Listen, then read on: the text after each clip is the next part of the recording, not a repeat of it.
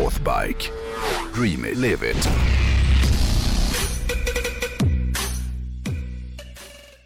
Under veckan som har gått då så har jag hunnit eh, runda av den här hojsäsongen som sagt då, genom att åka upp till Lappland och Jämtland, eller närmare bestämt Stekenjokkplatån då för att köra den här vägen som har det mycket passande namnet Vildmarksvägen. Och den här resan eh, gjorde jag eh, med en av mina äldsta och bästa vänner och idag tänkte jag som sagt berätta lite om det här. Det ser jag mycket fram emot för det har varit jättekul!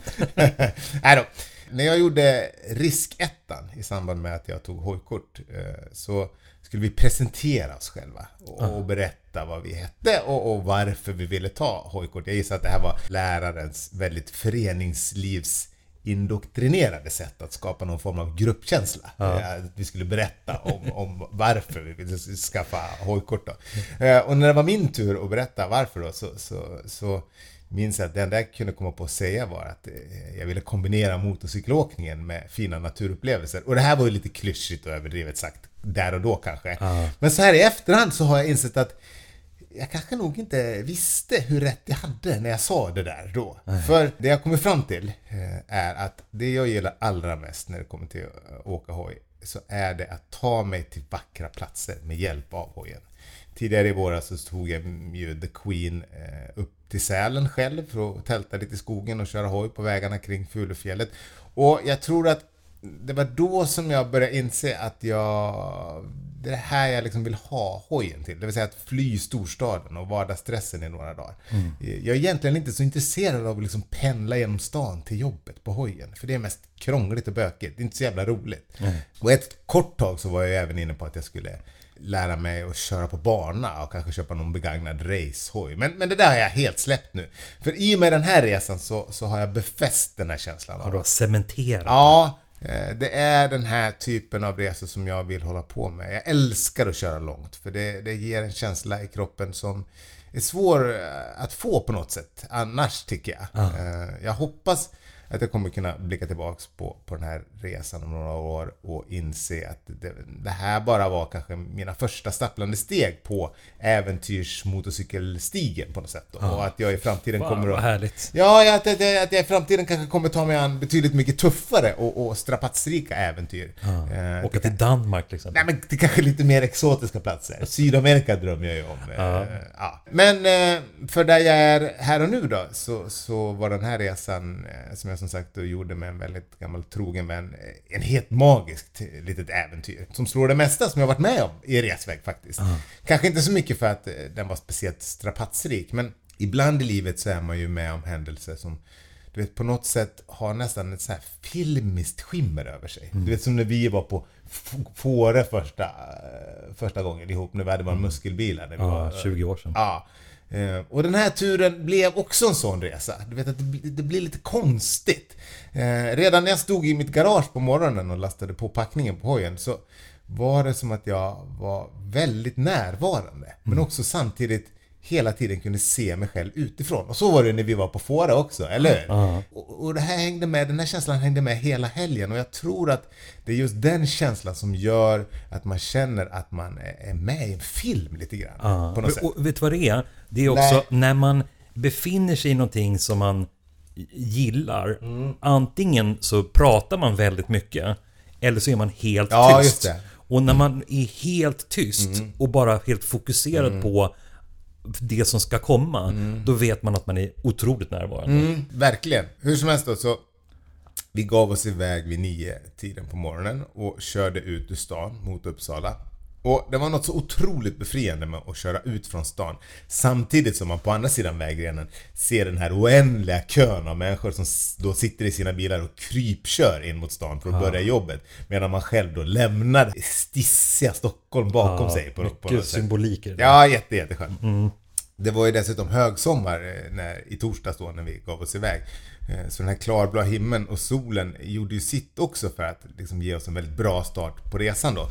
Eh, och när vi kom till avfarten Uppsala norra, då tog vi av för vi skulle nämligen då köra Tidernas väg norrut. Och Tidernas väg, det är ju vägarna 272 och 83 mellan Uppsala och Ånge då, som går över Dalälven och Storsjön och sen längs Ljusnan Ljugan och genom Uppland, Gästrikland, Hälsingland och Medelpad. Så att den är lång då. Den här vägen är otroligt vacker. Och den är helt underbar ur ett MC-perspektiv, för den är inte bara vacker utan den är också ganska kurvig. Men framförallt är den härlig för att det känns som att man reser genom tiden lite grann och därav namnet då. För när du börjar att köra eh, den här, när du svänger av i Uppsala, ja. då reser man genom ett ganska modernt lantbrukslandskap då. Eh, men ju längre upp du kommer ju mer förändras omgivningarna och ibland så känns det som att man kör genom ett Sverige som Ja, det är typ som att man har åkt bak i tiden, 60-70 år eller kanske till och med 100 år bakåt i tiden. Ja. Så Tidernas väg är liksom ett hett tips för alla som, som vill köra upp genom Sverige men som inte har bråttom.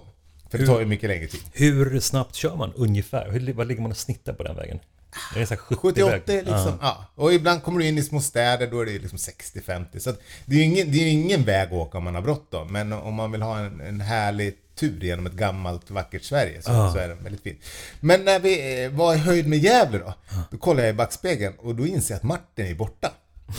så jag vänder och så kör jag in, eller kör jag tillbaks och då ser jag att han har kört in på en rast, rastplats. Ah. Och när jag kommer fram så ser jag även att, att kedjan hänger och det visar sig att den har gått av då. Ah.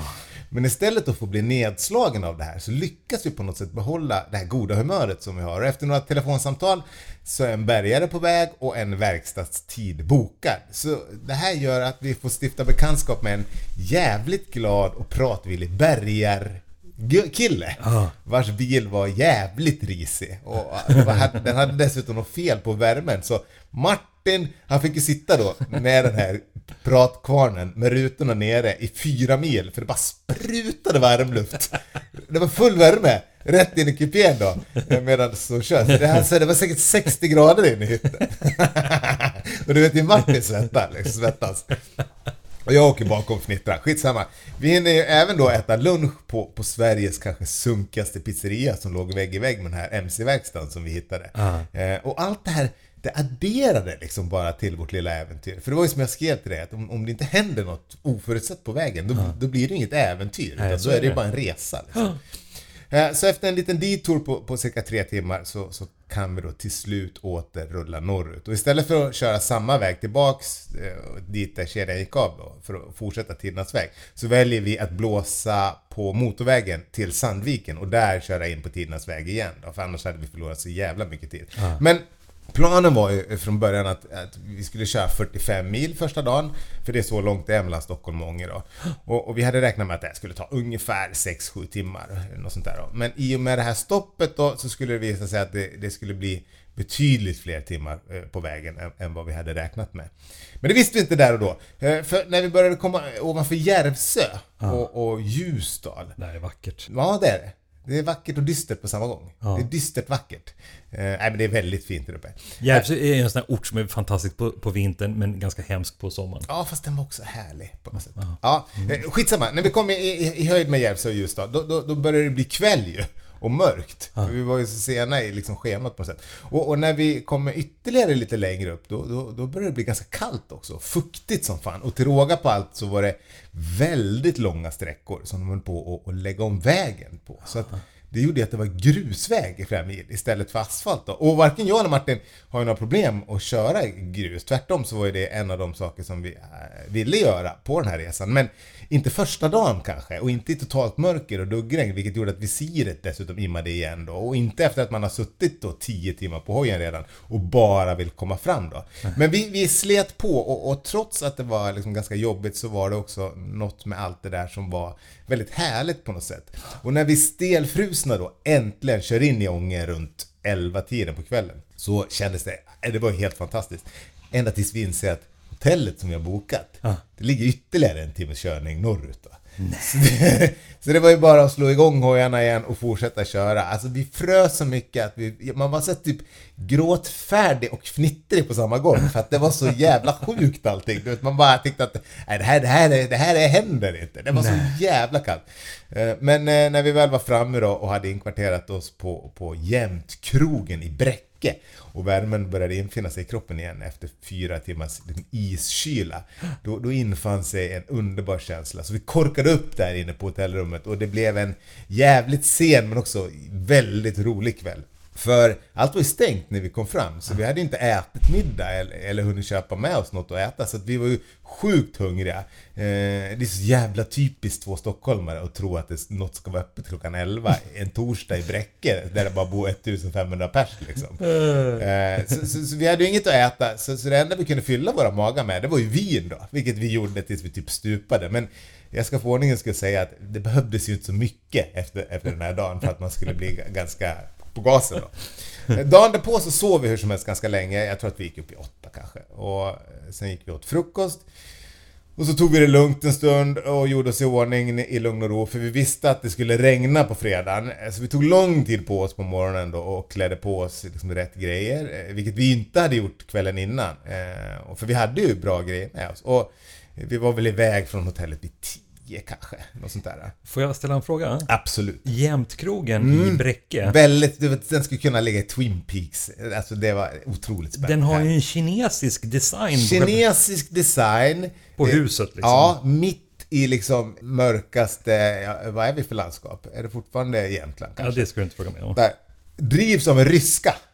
Och, och massa så motorsågsstatyer runt omkring. Av älgar Ja, och jättemycket snickarglädje både invändigt och utvändigt. Det är väldigt speciellt eh, härligt ställe på något sätt. För kollar man på bilder mm. på Jämtkrogen mm. som jag har framför mig nu. Mm. Så är det ju liksom väldigt mycket motorcyklar alltid parkerade utanför. Ja. Eller jänkebilar eller en helikopter. Mm.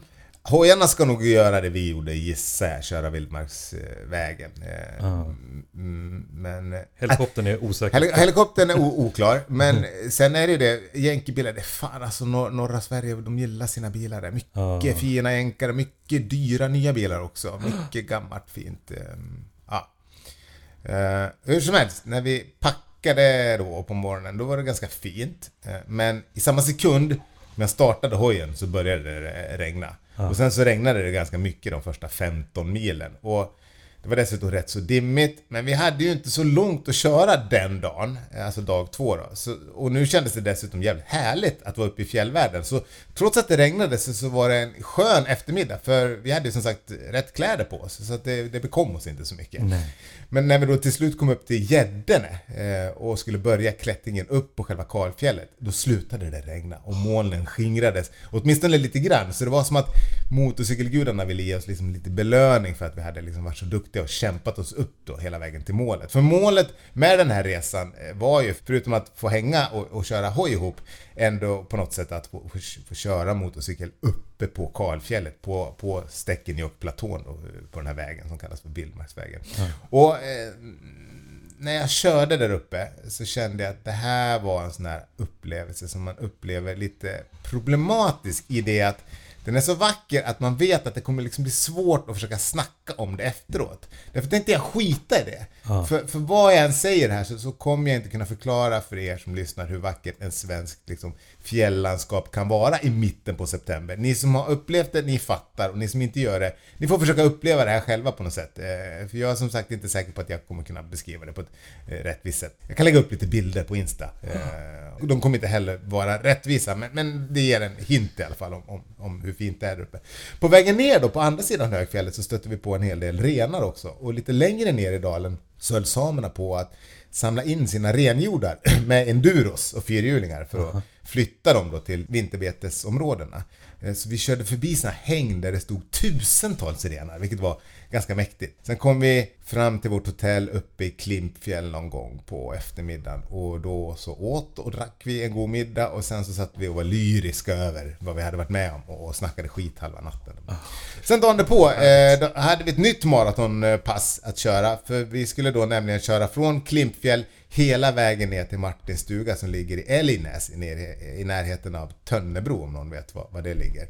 Så det blev återigen 10 timmar plus i sadeln. Eh, men vägen ner var väldigt härlig för du färdas ju genom små byar och naturlandskap som dryper av sån här vacker svensk melankoli. Eh, och, och, jag sa till Martin att vi dessutom hade First Blood-väder vilket ytterligare förstärkte den här känslan av liksom vackert tungsinne om du vet. First Blood-väder är en otroligt bra väderbeskrivning. Ja, som, som... Ja, visst, visst är det Ja, men det, den, den borde vara bara som en definition. Om Ja. man kan säga på nyheterna. Och På för- torsdag så får vi First Blood-väder. Ja, och det innebär då för de som inte har sett först Blood, det innebär molnen ligger så lågt att de täcker trädtopparna och bergen som omger de här små byarna som man kör igenom. Och så ligger det regn i luften, men det regnar inte. Nej. Men det är väldigt mycket höst på gång liksom.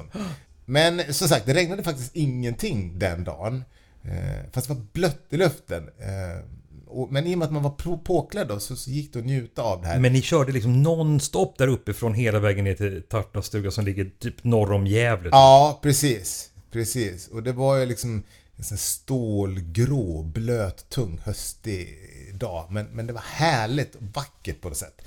Sen blev det åter en halvsen kväll med mat och dryck och skitsnack när vi kom fram vid nio tiden på kvällen. Men vid det här laget då, då började man bli ganska mör av allt körande så jag tror att jag lyckades hålla mig vaken till halv ett kanske. Men sen gick det inte längre utan jag somnade. Men man vill ju liksom försöka dra ut på de här dagarna så mycket det bara går. Liksom när man har fyra dagar ihop liksom, att, att få hänga och, och köra hoj. Så, så försöker man ju hålla sig vaken på kvällen då. Ja, och sen på söndagen så körde vi Tidernas väg tillbaks till Stockholm eh, via Uppsala och sen motorvägen då hem till Stockholm. Eh, och jag tänker att alla som kör hoj har ju någon drömresa som de vill förverkliga och för mig så leder ofta den första drömresan till en ny som är längre och mer storslagen än den förra och sen så rullar det på sådär då. Eh, men det jag kommer fram till under den här resan är att det är på det här sättet som jag vill använda min hoj som sagt. Eh, vilket också har lett fram till att jag nu inser att jag behöver en ny hoj inför nästa säsong. Eh, men det får jag snacka om en annan gång. Eh, min uppmaning till alla som lyssnar är att man ska drömma ihop en egen resa som man vill göra med hojen. Och det behöver ju inte vara att köra liksom The Road of Bones i Sibirien. Utan det kan ju vara någonting som liknande det här som vi gjorde. För det är ju inte så svårt att få till. Det viktiga är hur som helst att man tar Northbike på orden eh, och Dream it, live it, tänker jag. Eller hur? Bra, bra avrundning.